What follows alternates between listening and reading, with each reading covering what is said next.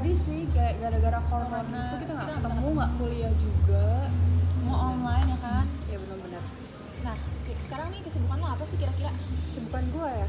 Kesibukan gue sih sekarang Ke- kesibukan lo apa ya? kesibukan gue sih sekarang jadi promotor sosial media ya. Kayak lu tau gak sih yang kayak endorsement endorsement cewek-cewek gitu? Tau gak? tahu tahu tahu iya kayak gitu sih.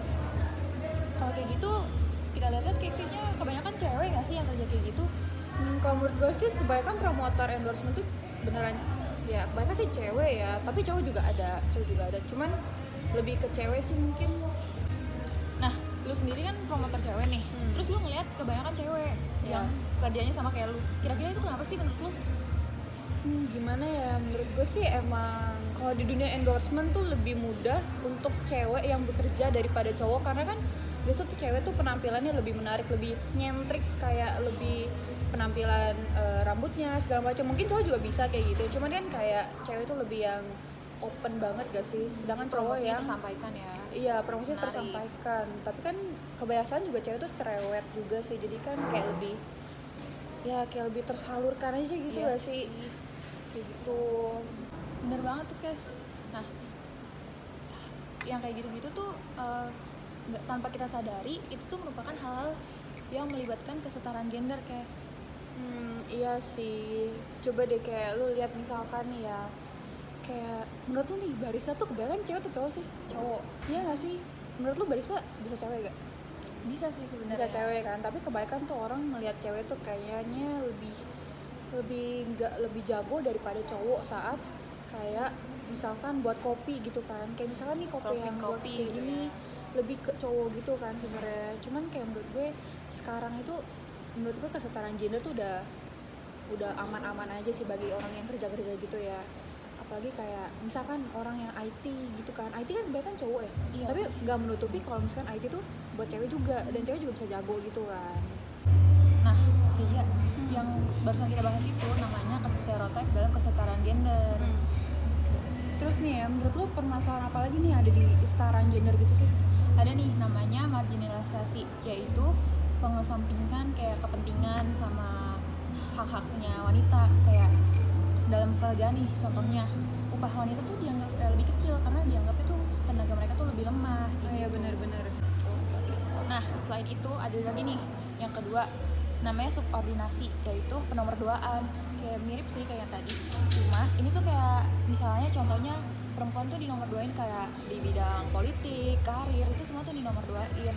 Kayak dianggapnya tuh lelaki bisa lebih bisa memimpin, lebih bisa mengatur gitu. nah iya kan kayak tadi kan gue udah bilang juga kayak yang tentang barista tentang IT gitu kan kayak menurut gue tuh cewek tuh selalu di nomor dua kan seakan-akan tuh kita tuh nggak bisa padahal tuh kita juga bisa lebih jago lebih baik lebih pintar jadi menurut gue ya harusnya sih kesetaraan gender di tahun ini sih lebih ya lebih safe lah lebih aman lah menurut gue kayak udah udah masuk lah kayak gitu Nah, itu dia guys. Padahal di dalam stereotip ini juga ada yang namanya double burden. Apa yaitu be- beban ganda. Jadi walaupun wanita itu dianggap lemah, tapi mereka tuh bisa ngelakuin banyak hal yang belum tentu cowok bisa lakuin. Kayak misalnya mereka tuh eh, punya pekerjaan di luar rumah, tapi mereka juga harus mengurus di dalam rumah. Itu kan sesuatu yang sebenarnya merupakan power wanita dong. Iya kan? Oh iya benar-benar. Apalagi tuh kan kemarin-kemarin tuh ada tanggal 13 November atau 14 November tuh Selamat Hari Ayah kan. Tapi menurut gue tuh Selamat Hari Ayah. Hari Ayah itu nggak cuma untuk ayah doang, tapi untuk para single mother juga yang menurut gue tuh eh, double apa tuh double beban ganda gitu kan Mereka sebagai single mother peran double juga kan sebagai dalam ayah. rumah tangga tapi juga bisa dalam pekerjaan. Jadi menurut gue itu benar-benar emang mempengaruhi banget sih. Eh lu tahu ini kan TikTok? Tahu Biasa tuh lu orang TikTok itu pakai baju kayak gimana gimana sih cewek-cewek tuh?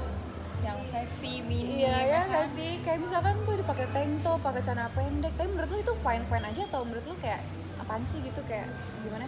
Fine sih buat gue ya nggak masalah ya kan Ya menurut gue juga fine fine aja sih karena menurut gue kayak terserah kita, terserah cewek mau pakai baju apa. Yang penting tuh pikiran pakai mereka juga iya kan pikiran para laki-lakinya aja yang kayak eh, menyutarakan gender kita gitu loh. Padahal tuh sebenarnya kita mau pakai apa pun fine fine aja gitu. Kan apalagi sekarang tuh ya cewek tuh biasa tuh dicapnya apa ya? Dicapnya kayak flirting eh, flirting terus cewek tuh lebih dicap kayak eh, bisa make up bisa hairstyling sedangkan tuh cowok kayak yang lebih kerja yang Mimpin. maskulin yang maco. Padahal nih ya kita lihat TikTok isinya juga ada cowok yang ya begitu deh.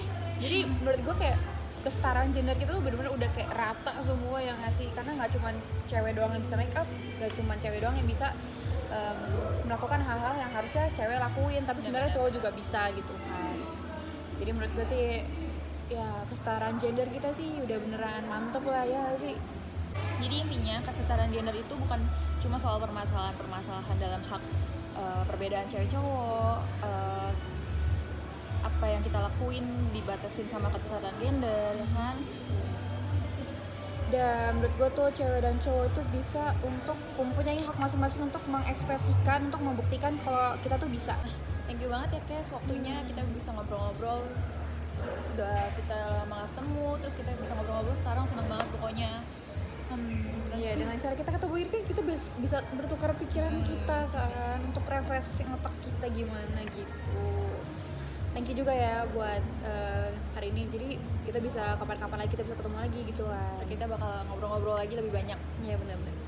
Bye